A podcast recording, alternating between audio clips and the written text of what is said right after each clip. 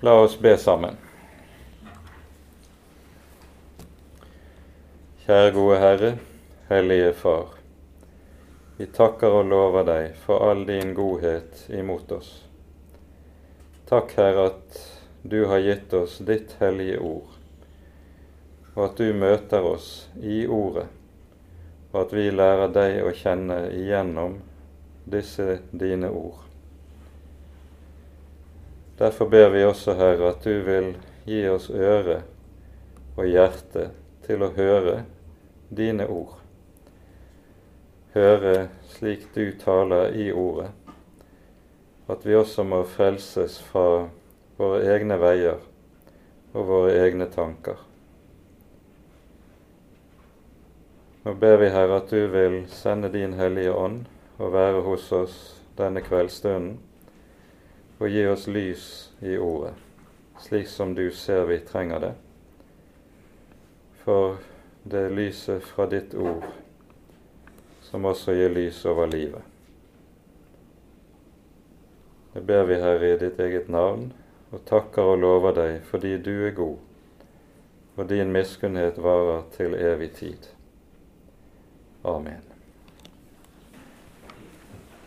Det gamle testamentet inndeles gjerne i tre hoveddeler. Vi taler om Moseloven, Skriftene og profetene. Eh, Mosebøkene de eh, utgjør fundamentet for hele den øvrige åpenbaring som vi finner i Gamle testamentet. Og Det vil eh, vi se ikke minst når vi går inn i Jesaja-boken, er noe som er av avgjørende betydning for i det hele tatt å forstå budskapet i denne boken rett. Skriftene det utgjøres av salmene og det som vi kaller for visdomslitteraturen, eh, eksempelvis. Jobbs bok, ordspråkene osv. Eh, men etter gammel ordning så hørte også krønikebøkene med til det som kaltes for Skriftene. Og så har vi profetene.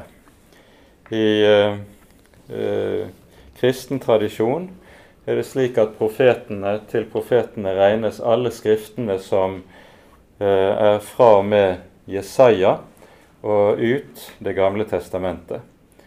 Mens i jødisk tradisjon er det slik at både Samuelsbøkene og kongebøkene også regnes som profetiske skrifter. Idet disse eh, skriftene ikke gir oss historieskriving i ordets vanlige forstand, eller og slett ikke i ordets moderne forstand, men det gir oss eh, historieskrivning under profetisk overlys. Og Derfor eh, er det en ganske egenartet type historieskrivning vi finner i disse bøkene. I kristne bibler så er det altså slik at profet, den profetdelen av Det gamle testamentet begynner med profeten Jesaja. Dette har ingenting med kronologi å gjøre. Eh, Jesaja er ikke den første av skriftprofetene.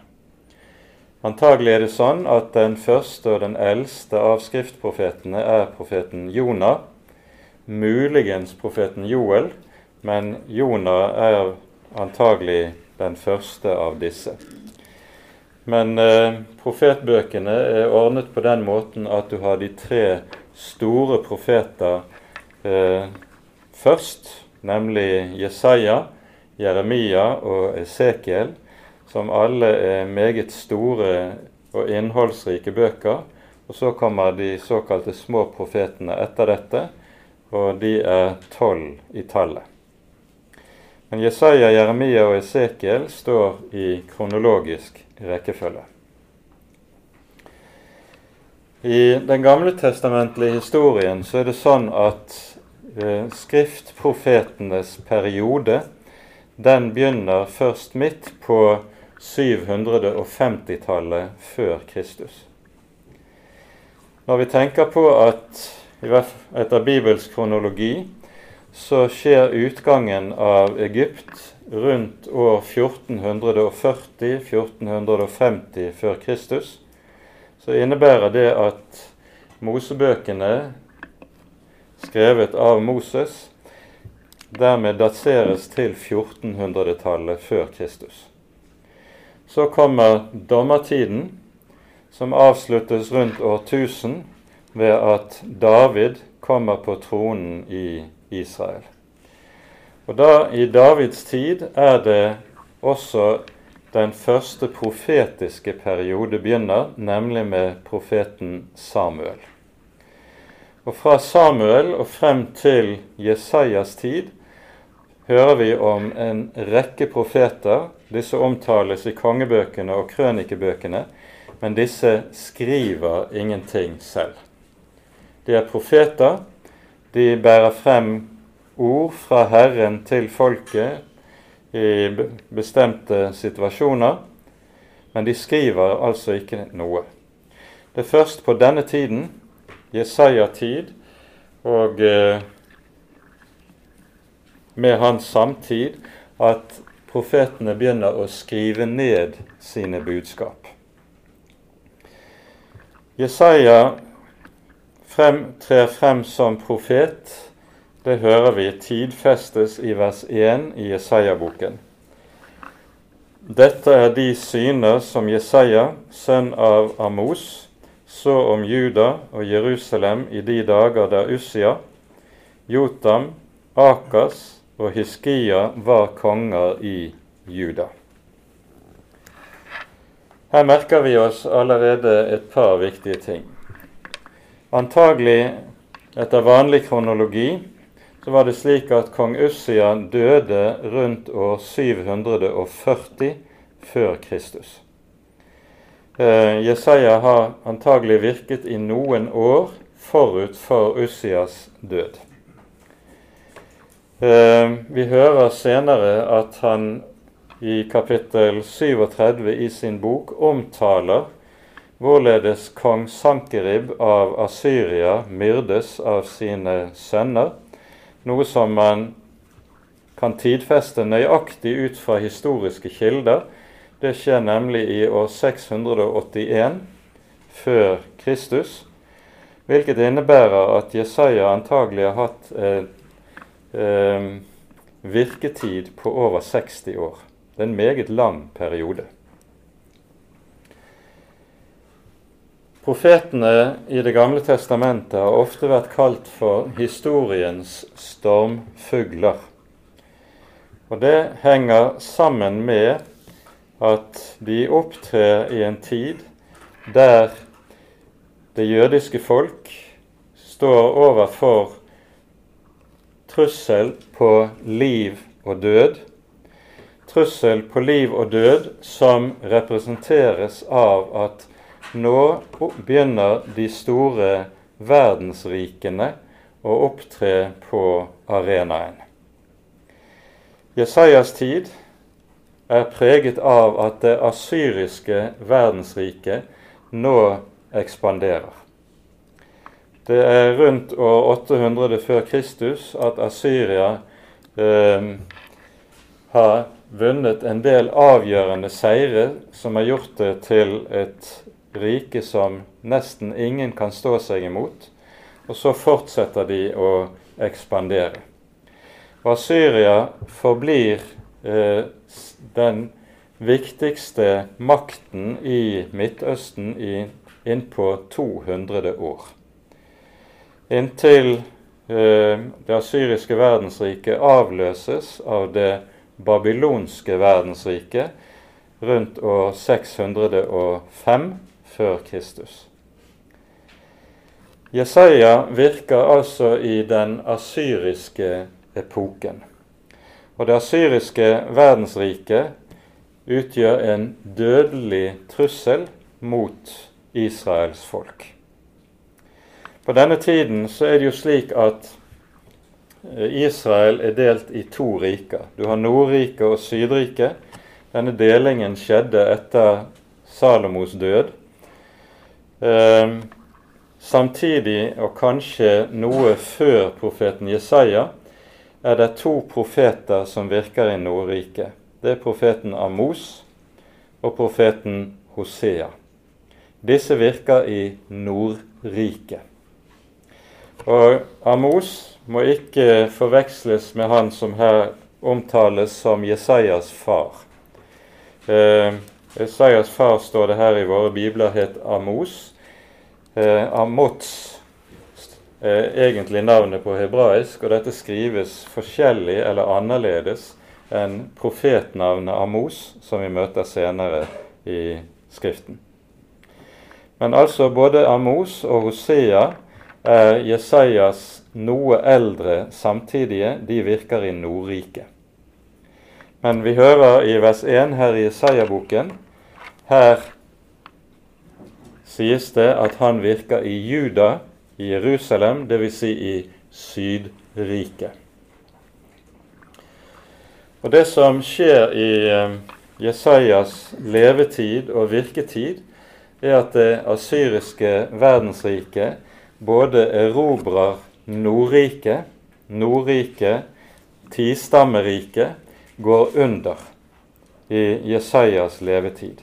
I år 722-721 erobres Samaria av asyrerne, og asyrerne bortfører folket, bosetter dem i, rundt omkring i sitt store rike, og motsatt eh, lar de andre folkeslag fra riket komme og bosette seg der i nord. Dette var en del av den syriske politikken for å hindre opprør de folkes, blant de folkeslagene som de hadde erobret. Man ville rykke folkeslagene så å si opp med rot ved å flytte om på dem. Og så kunne man på den måten unngå opprør med bakgrunn i de ulike folks hjemland. Jesaja får altså se at Nordriket går under, og det er en forferdelig katastrofe som skjer her. 20 år senere så kommer asyrerne også og angriper Sydriket.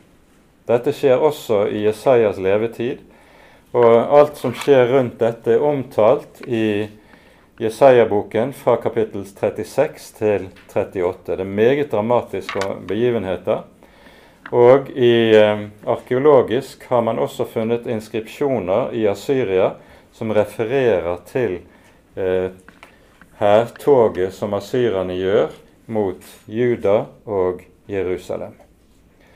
Eh, man har også arkeologisk kunnet grave ut eh, en rekke vitnesbyrd om eh, herjingene som asyrerne gjorde i forbindelse med dette toget.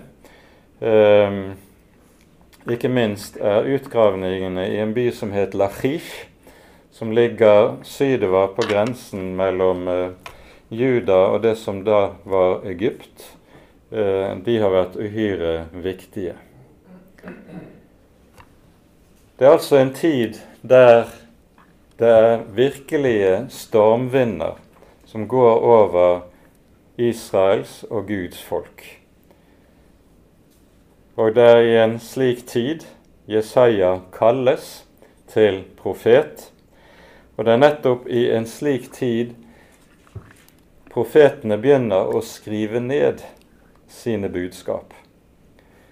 Og vi forstår at hensikten med dette er at budskapet skal bevares for ettertiden, trass i de veldige omveltninger og katastrofer som forårsakes av verdensrikene. Et par ord om uh, disse kongene som vi hører om i uh, det første verset i Jesaja-boken. Uh, de er omtalt både i kongebøkene og krønikebøkene. Men akkurat når det gjelder denne perioden, så er det krønikebøkene som er mest utfyllende og detaljerte når det gjelder fortellingen om denne perioden. Ussias hører vi om i andre krønikabok kapittel 26. Han kom på tronen når han var bare 16 år gammel, og har en regjeringstid på hele 52 år. Og I hans tid så gjenvinner Juda sin gamle storhet og velstand denne perioden kalles ofte for den andre salomoniske periode i det gammeltestamentlige Israels historie. Samtidig med Ussias så er Jeroboam konge i Nordriket. Han sitter på tronen der i 41 år, og Nordriket opplever også en tilsvarende medgang og rikdom som Sydriket gjør i denne perioden. Og dette henger sammen med at dette er det som må kalles kanskje for noe av en siste nådetid for det gammeltestamentlige Israels folk. Og det gjelder både Sydriket og Nordriket. For det som skjer med verdensrikenes opptreden, er at nå begynner det en tung dommens tid for det gammeltestamentlige Guds folk. Noe som innvarsles meget tydelig og med stor kraft allerede her i det første kapittelet i Jesaja-boken.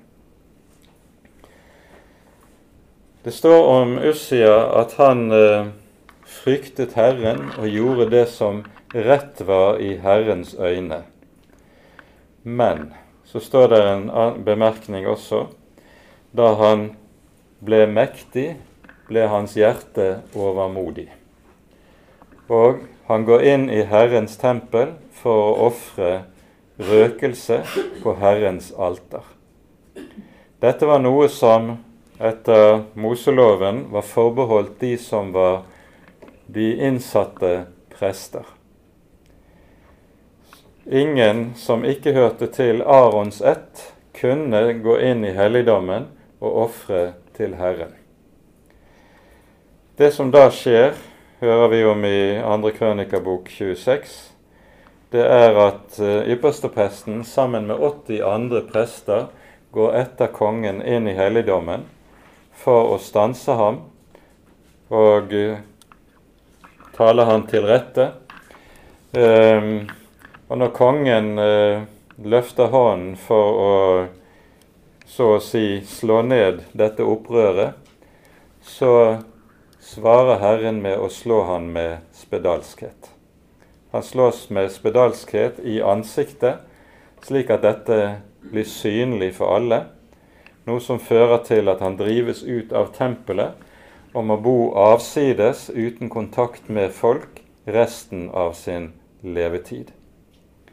Det innebærer at hans sønn Jotam kommer til å forestå styret de siste årene av Ussias levetid. Hvor lang periode dette handler om, det vet vi ikke. Ehm, men Jotam er en god konge etter det som konge- og kronikebøkene beretter. Han får en langt, mer, langt kortere regjeringstid, bare 16 år, dør bare 41 år gammel hvorpå han etterfølges av sin sønn Akas, som vi hører meget om senere i Jesaja-boken, som er uhyre ugudelig og uhyre korrupt. Hiskia, den siste av kongene som nevnes her i det første verset i Jesaja-boken, er den som er konge når det asyriske angrepet kommer. Hiskia sitter på tronen i vel 30 år. Ehm, og eh, angrep, det asyriske angrepet kommer i hans 15. regjeringsår. Og det er en uhyre dramatisk periode for det gammeltestamentlige Israel. Og en rekke av eh, profetiene fra kapittel 26 av og utover, de er skrevet i denne perioden og forstås bedre når man kjenner også til den historiske sammenhengen i denne perioden.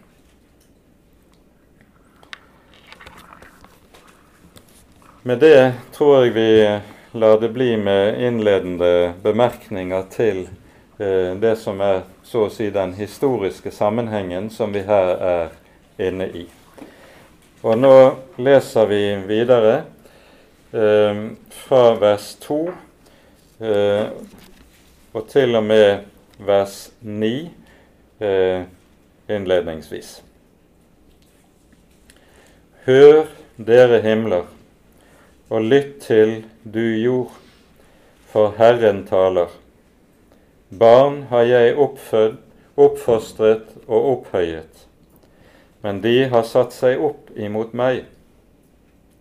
En okse kjenner sin eier, og et esel sin herres krybbe. Men Israel kjenner intet. Mitt folk har ikke forstått noe. Ved det syndige folk. Et folk tynget av misgjerning, etlinger av ugjerningsmenn, vanartede barn. De har forlatt Herren. De har foraktet Israels hellige. De er veket fra ham. Hvorfor vil dere bli slått enda mer? Hvorfor vil dere øke deres frafall? Hvert hode er sykt, hvert hjerte er svakt. Fra fotsåle til hode er intet helt. Her er bare sår, skrammer og åpne sår. De er ikke klemt ut og ikke forbundet og ikke bløtt opp med olje. Landet er en ørken, byene er oppbrent med ild.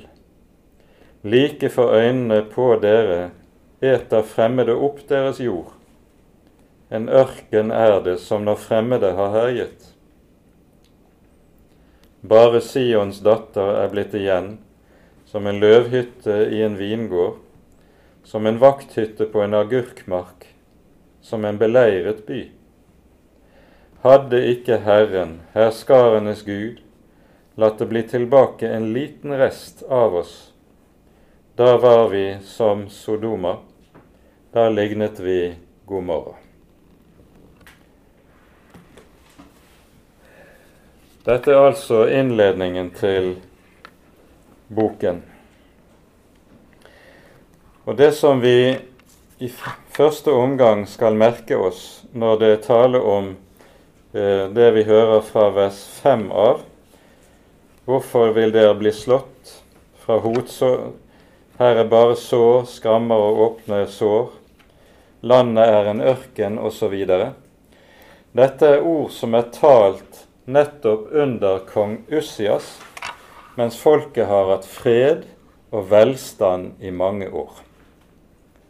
Og Likevel taler profeten om denne katastrofale situasjonen som om det er noe som allerede eh, er for hånden, noe som allerede har skjedd.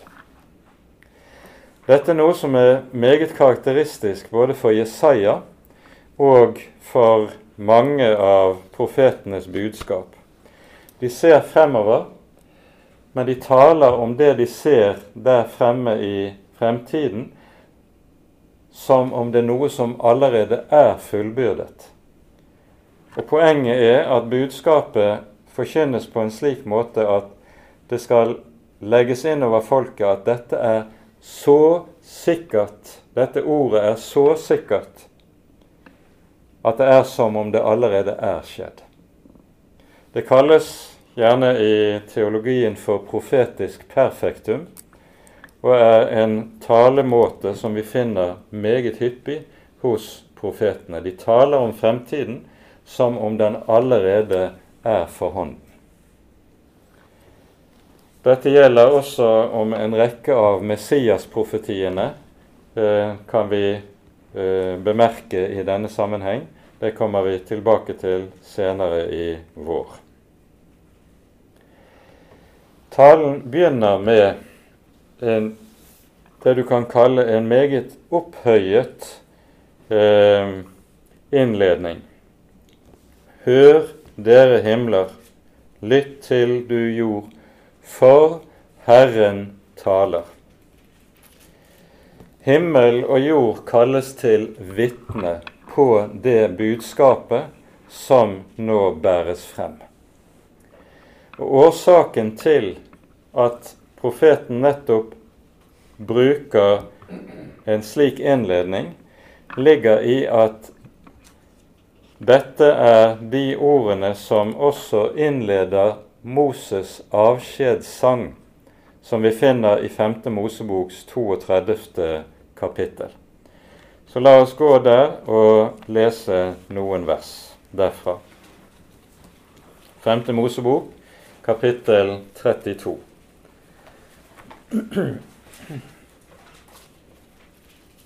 Vi leser de fire første versene eh, foreløpig. Lytt, dere himler, jeg vil tale. Jorden høre min munns ord.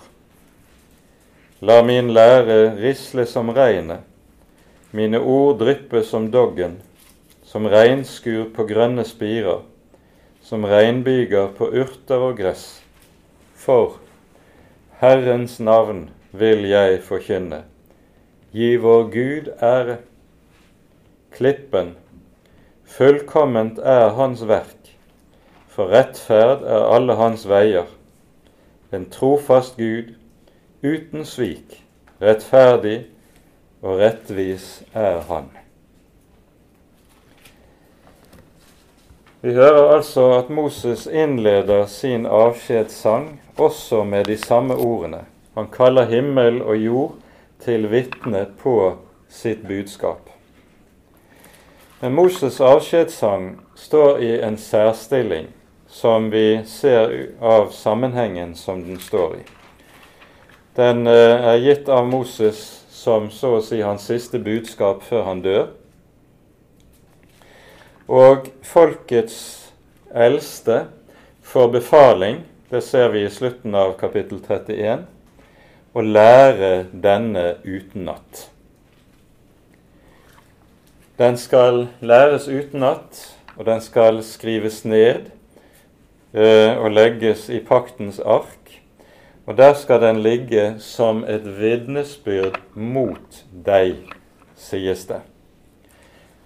Og vi leser i eh, vers, kapittel 31, vers 29. Vi kan lese fra vers 28. Moses sier, Kall nå sammen til meg alle de eldste i deres stammer og deres tilsynsmenn, så vil jeg tale disse ord for dem og ta himmel og jord til vitne mot dem. For jeg vet at etter min død vil dere gjøre det som galt er, og vike av fra den vei jeg har befalt dere å vandre. Ulykke skal komme over dere i de siste dager, fordi dere gjør det som er ondt i Herrens øyne, og egger ham til vrede ved det som deres hender har gjort. Deretter fremsa Moses denne sang fra begynnelsen til ende for hele Israels menighet. Det som er poenget med avskjedssangen, det er at Moses her forutsier Israels fremtidige frafall fra Herren. Etter den store vekkelsestiden som var i Israel under Salomo, nei, unnskyld, under Samuel og kong David, så kom folket gradvis til å vende Herren ryggen. På en slik måte at du kan si det på det vis at fra Davids tid av og til Ussias dager så beveger folket seg inn i et stadig dypere og dypere frafall fra Herren og forfall, både åndelig og moralsk. Det er dette som forutsies i Moses' avskjedssang. Så når Jesaja begynner sin profeti, som vi hører det, så er det sånn at han så å si begynner der Moses slutter, og med dette vil si det som Moses forutsa for 700 år siden, nå er det fullbyrdet. Og så er det dette som blir mye av innholdet i Jesajas budskap. For leser vi de videre de seks første kapitlene av Jesaja-boken, så møter vi i disse kapitlene en veldig domsforkynnelse fra profetens munn. En domsforkynnelse over folket. Og Denne domsforkynnelsen den svarer meget nøyaktig til det du kan lese i 5. Mosebok 32, i Mose avskjedssang, om hva Herren truer folket med vil komme til å skje dersom de vender ham ryggen. Derfor skal vi være klar over at om det enn er slik at profetene får sitt budskap fra Herren Det står jo om igjen og om igjen som en formel for den profetiske forkynnelsen. Herrens ord kom til. Og så lyder det. Så er det dog også på det vis at profet, dette budskap som profetene blir gitt å tale, det er, springer alltid ut av og henger uløselig sammen med det som er forut forkynt i Mosebøkene. Og Da gjelder det særlig 5. Mosebok 32 og 5. Mosebok 28. Disse to kapitlene er nøkkelkapitler til å forstå den profetiske forkynnelse. Og det gjelder alle profetene overhodet. Så profetene er skriftprofeter også i den forstand at de aktivt forholder seg til, bruker og viser et dypt kjennskap til det som er talt i Mosebøkene. Det er med andre ord sånn at budskapet deres ikke bare så å si kommer ut av det tomme intet, men det er forankret i den åpenbaring som er gitt tidligere i Skriften.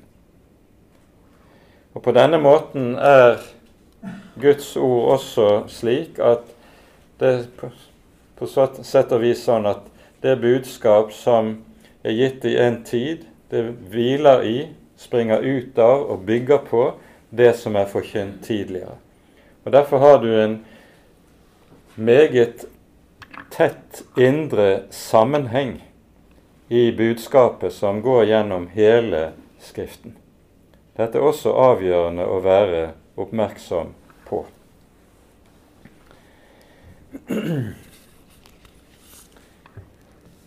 Vi fortsetter så med videre hos Jesaja fra vers 2 av.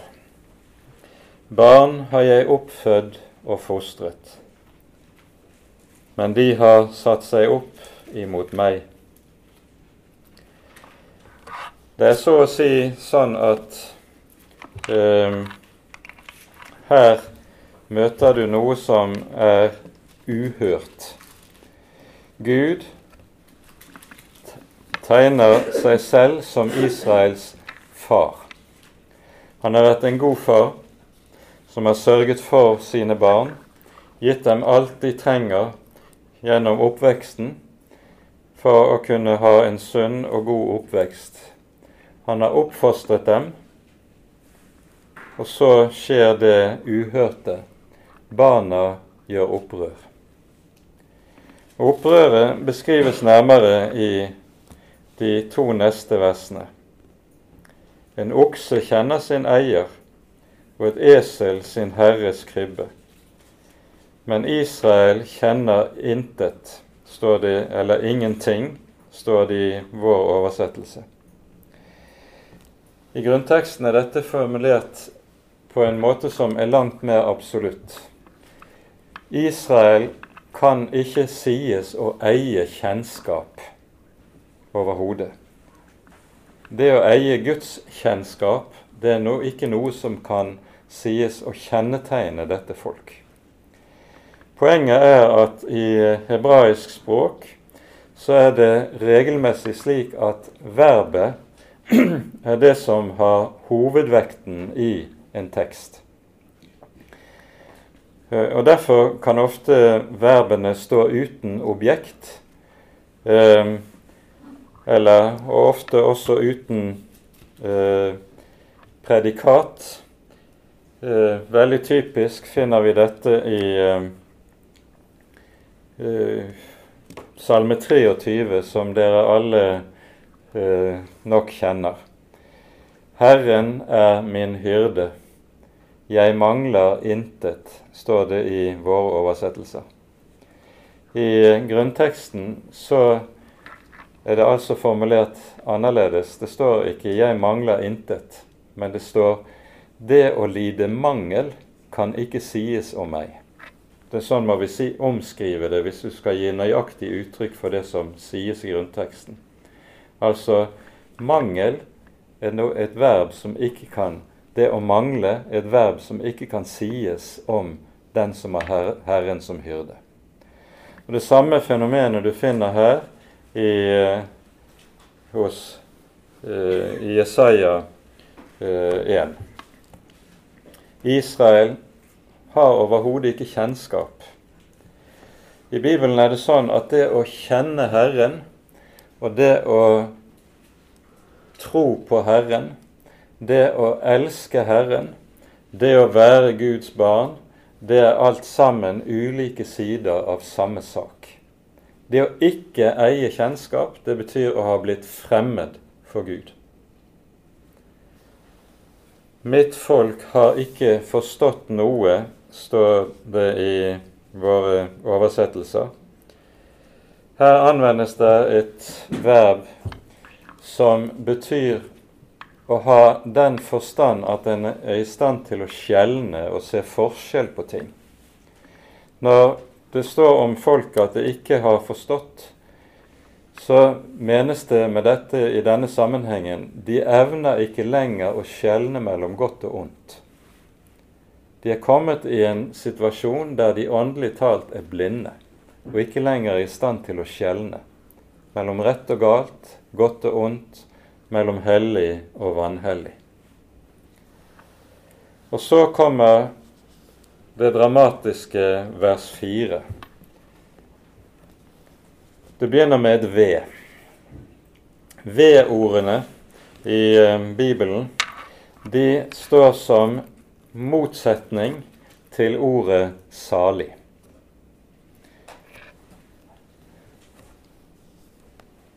Ved, det betyr at en da er ikke lenger under Guds velbehag, men under Guds dom. Og nå er disse formuleringene som kommer i dette verset, de står der som helt utmeislet veldig pregnant. Ved det syndige folk, sies det først. Om Israels folk gjaldt det at dette folk var kalt til å være et hellig folk. Du er et hellig folk for Herren din Gud, sies det et par steder i Mosebøkene. Men nå anvendes det et predikat som er det stikk motsatte. Det folket er ikke lenger det hellige folket. Det som det var kalt til å være, det som det var utkåret av Herren til å være, det er blitt et folk om hvem det må sies det stikk motsatte. Det er et folk som har som sitt fremste kjennetegn synd. Et folk tynget av misgjerning. I Bibelen er det jo sånn at misgjerning og synd det beskrives alltid som noe som er en byrde. Når et menneske har gjort synd, så bærer en på dette som en byrde gjennom livet. Og Derfor beskrives også synds tilgivelse som det å bli fratatt denne byrden. Det brukes et særegent verb for dette i hebraisk. Eh, og det er dette verbet som går igjen når døperen Johannes peker på Jesus og sier 'Se det Guds lam som bærer verdens synd'. Da er han den som har tatt den byrden som syndere bærer på, som har tatt den på seg, så synderne slipper og dermed har fått tilgivelse. Det er den bibelske tankegangen i dette. Men her er synden ikke tatt bort. I stedet hviler den på folket med veldig tyngde. Så kommer den neste. Etlinger av ugjerningsmenn. Det er en unøyaktig oversettelse. Det står Bokstavelig så står det eh, en ett som er kjennetegnet av at de er ugjerningsmenn. De er vanartede barn.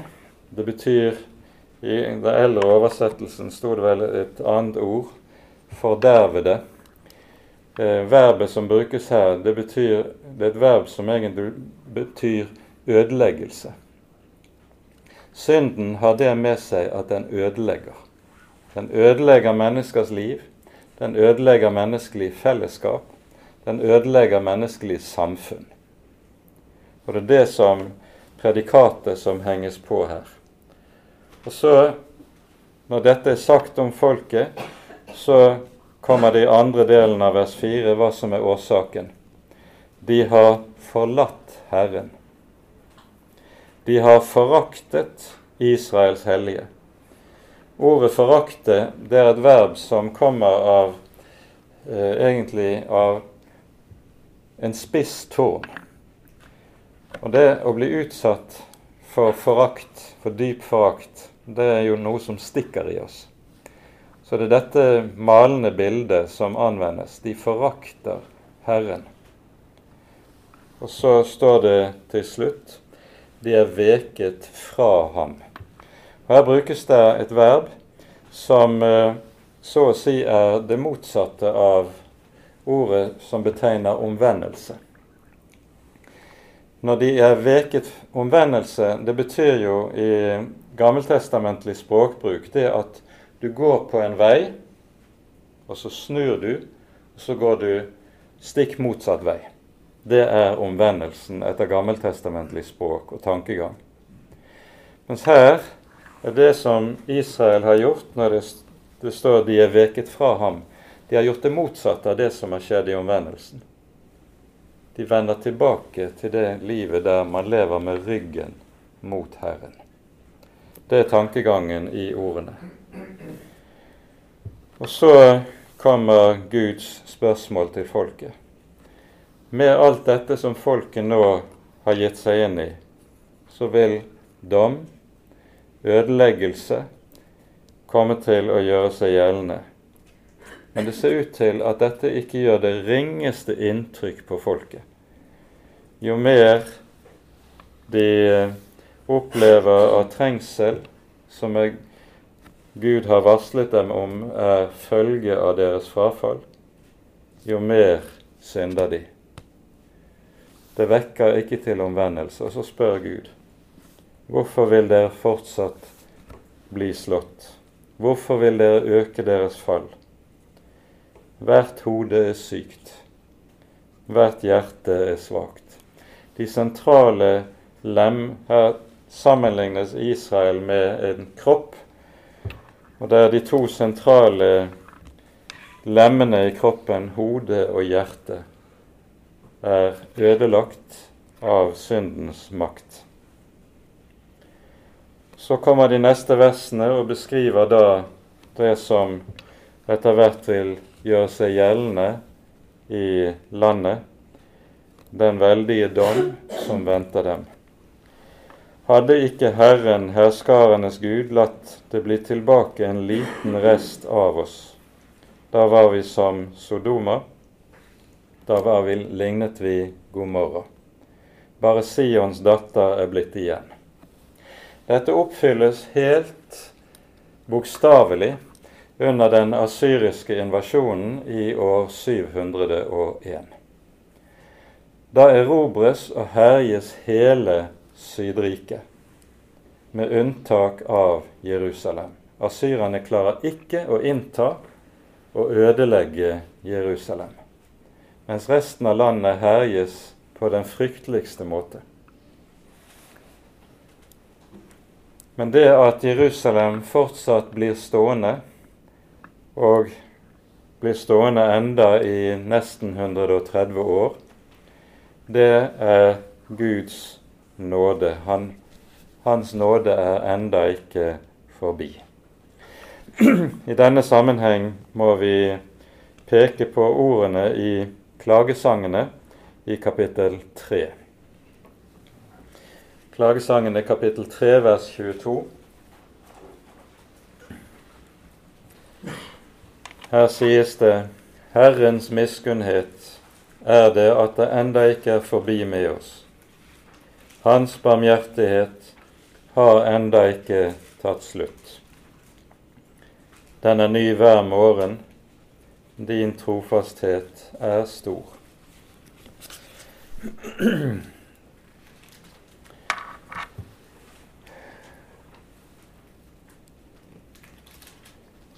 Det er altså fortsatt en nådetid som står tilbake for folket i det som sies med dette.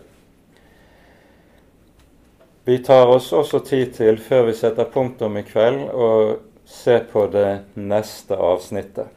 Og Det er uhyre viktig å forstå rett. Vi leser fra vers 10 til og med vers 15. Hør Herrens ord, dere Sodoma-fyrster. Lytt til vår Guds lov, du Gomorra-folk. Hva skal jeg med alle deres mange slakteoffer, sier Herren. Jeg er mett av brennoffer av værer og fett fra gjøkalver.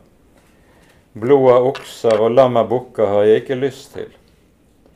Når dere kommer for å vise dere for mitt åsyn, hvem har da krevet at dere skal tråkke ned mine tempelgårder? Kom ikke mer frem med unyttige matoffer. Det er en motbydelig røkelse for meg. Nymåne og sabbat, festforsamling. Jeg tåler ikke høytid og urett sammen. Deres nymåner og fester, min sjel hater dem. De er blitt en byrde for meg, jeg er trett av å bære dem. Og når dere brer ut hendene, skjuler jeg mine øyne for dere. Hvor mye dere så ber, hører jeg ikke, for deres hender er fulle av blod. Dette avsnittet kommer som et svar på noe som vel har vært et umiddelbart spørsmål fra folkets side. Vi er jo meget flittige i vår gudsdyrkelse. Hvordan kan du da tale om at det skal komme slike dommer og ramme oss. Det er vel ikke rettferdig.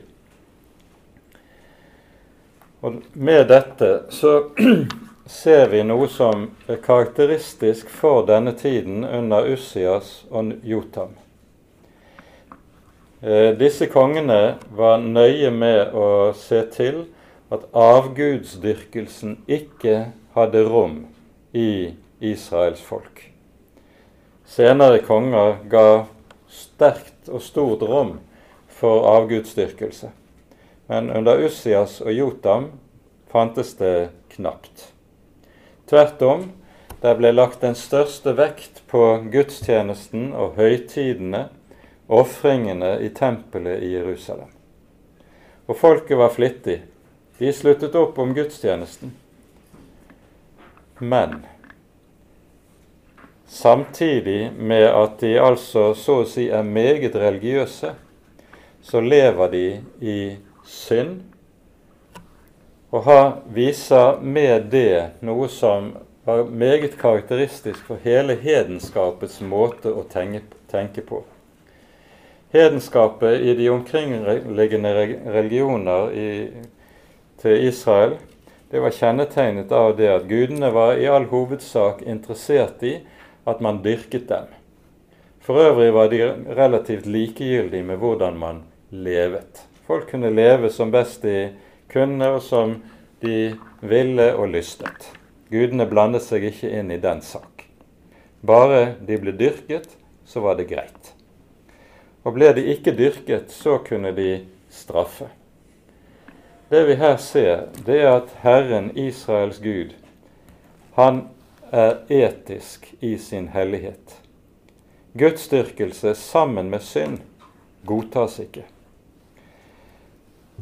Hos eh, profeten Jeremia er dette påtalt eh, meget eh, pregnant i det syvende kapittelet, og vi tar oss tid til å lese noen vers derfra.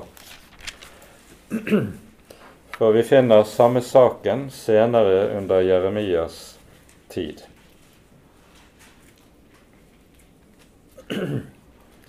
Jeremias 7, vi leser fra vers 8.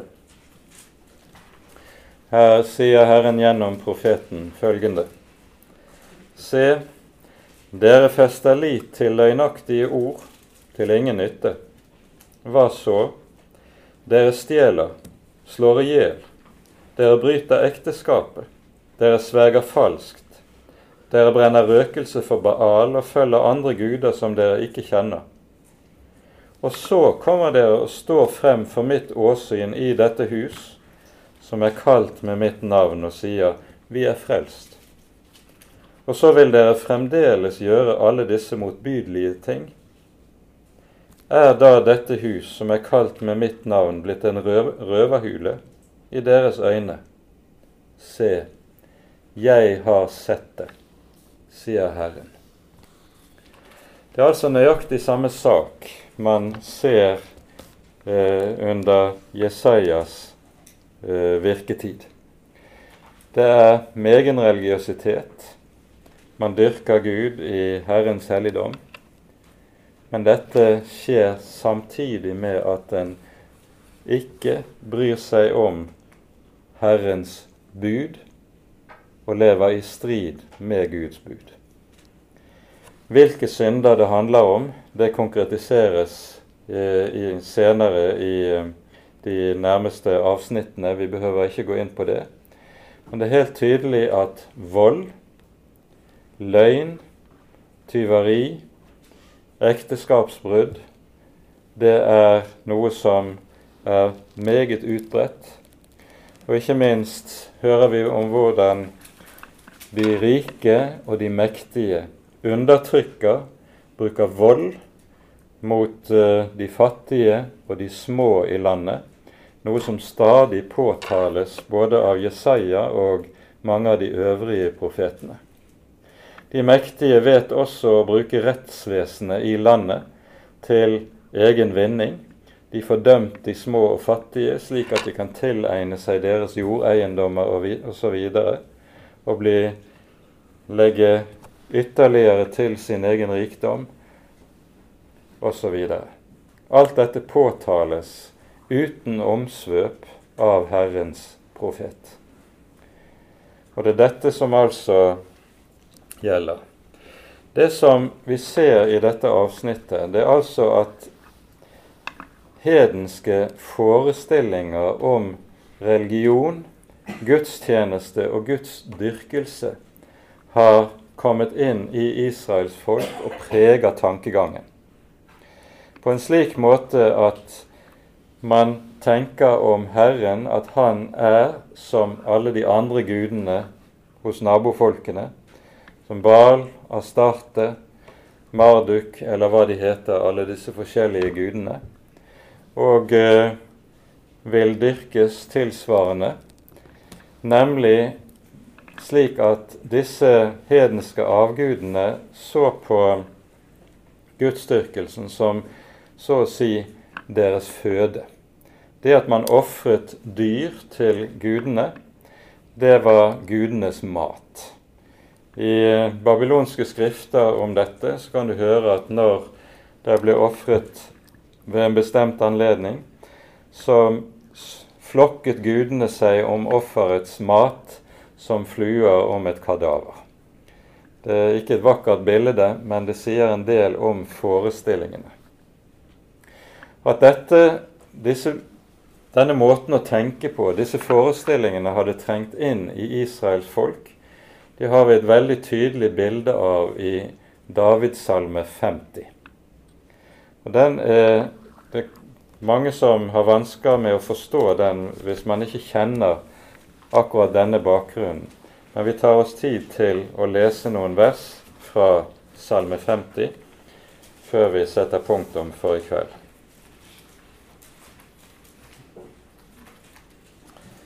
Denne salmen har noe av det samme preget som innledningen til Jesaja-boken. For også i denne salmen hører vi at himmel og jord kalles til vitne på det profetiske budskap som lyder i salmen. Herren kaller folket sammen for å gå i rette med folket. Og det han vil gå i rette med folket om, det er nettopp deres Guds tjeneste og deres Guds dyrkelse. Vi leser fra vers 7. Hør, mitt folk, jeg vil tale. Israel, jeg vil vitne for deg. Jeg er din, jeg er Gud, din Gud. Jeg vil ikke irettesette deg for dine slaktoffers skyld, og dine brennoffer er alltid for meg. Jeg tar ikke okser fra ditt hus eller bukker fra dine innhegninger. For meg tilhører alle dyr i skogen, dyrene på fjellene i tusentall. Jeg kjenner alle fjellenes fugler, og alt som rører seg på marken, er mitt. Om jeg var sulten, ville jeg ikke si det til deg, for min er jorden og alt som fyller den. Mon jeg skulle ete oks, oksers kjøtt eller drikke bukkers blod? Gi Gud takk som offer og den høyeste det du har lovt.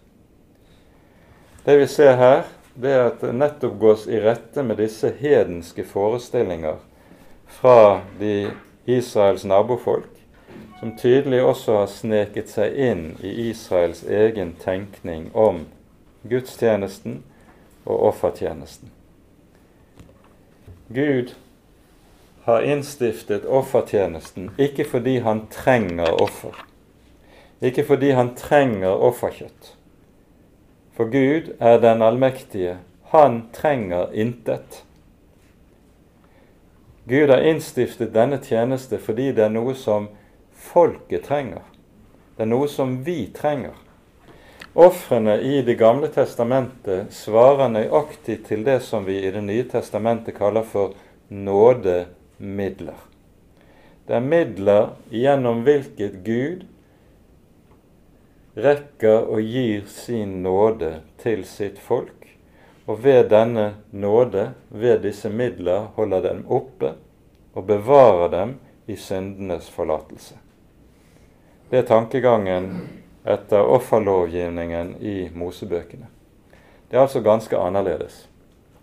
Ofrene er ikke noe man gir Gud, men ofrene er midler ved hvilket Gud rekker oss nåde, eller rakte sitt folk nåde. Det er tankegangen med offertjenesten. Det er altså dette som profeten går i rette med folket med. Og ordene som vi har lest her, når Gud sier 'Jeg tåler ikke høytid og urett sammen', det er ord som står der for alle tider om hva som kjennetegner Israels Gud, for han er den hellige. I uh, Jesaja-boken er navnet Israels hellige et av de viktigste navnene på Herren. Det er et navn som nettopp peker på hvem Herren er. Hellighet i Bibelen det nettopp, betegner nettopp det at Gud og synd er som ild og vann. Det er noe som ikke går sammen. Derfor skal Gud komme i samfunn med mennesket, må synd ryddes bort. Det skjer gjennom omvendelse og syndenes forlatelse. Slik som var det i Det gamle testamentets Israel, Og slik er det også i Det nye testamentet. Og det vi hører her i Det gamle testamentets Israel, det peker fremover. Og Derfor er det også sånn at avsnittet her slutter av med ordene i vers 16 til og med vers 18. Der Herren kaller folket til omvendelse og gir løfte om renselse fra synd. I vers 18 står det:" Kom, la oss gå i rette med hverandre, sier Herren. Om deres synder er som purpur, skal de bli hvite som snø. Om de er røde som skarlagen, skal de bli som den hvite ull. Dersom dere er villige og hører, skal dere ete landets gode ting. Da skal de få lov til å eie velsignelsen. Men er dere uvillige og gjenstridige, skal dere fortæres av sverdet, for Herrens munn har talt. Da er det i stedet forbannelsen som skal råde. Og det er dette enten-eller som folket står overfor. Velsignelsen eller forbannelsen. Velsignelsen der en hører og tar Guds ord til hjertet. Forbannelsen der dette ord forkastes, og en vender Herren ryggen. Enten eller. Men det setter vi punktum for kveldens bibeltime. Neste gang kommer vi til å bevege oss inn i det andre, tredje og fjerde kapitlet. Ære være Faderen og Sønnen og Den hellige ånd, som var og er og være skal, en sann Gud, høylovet i evighet. Amen.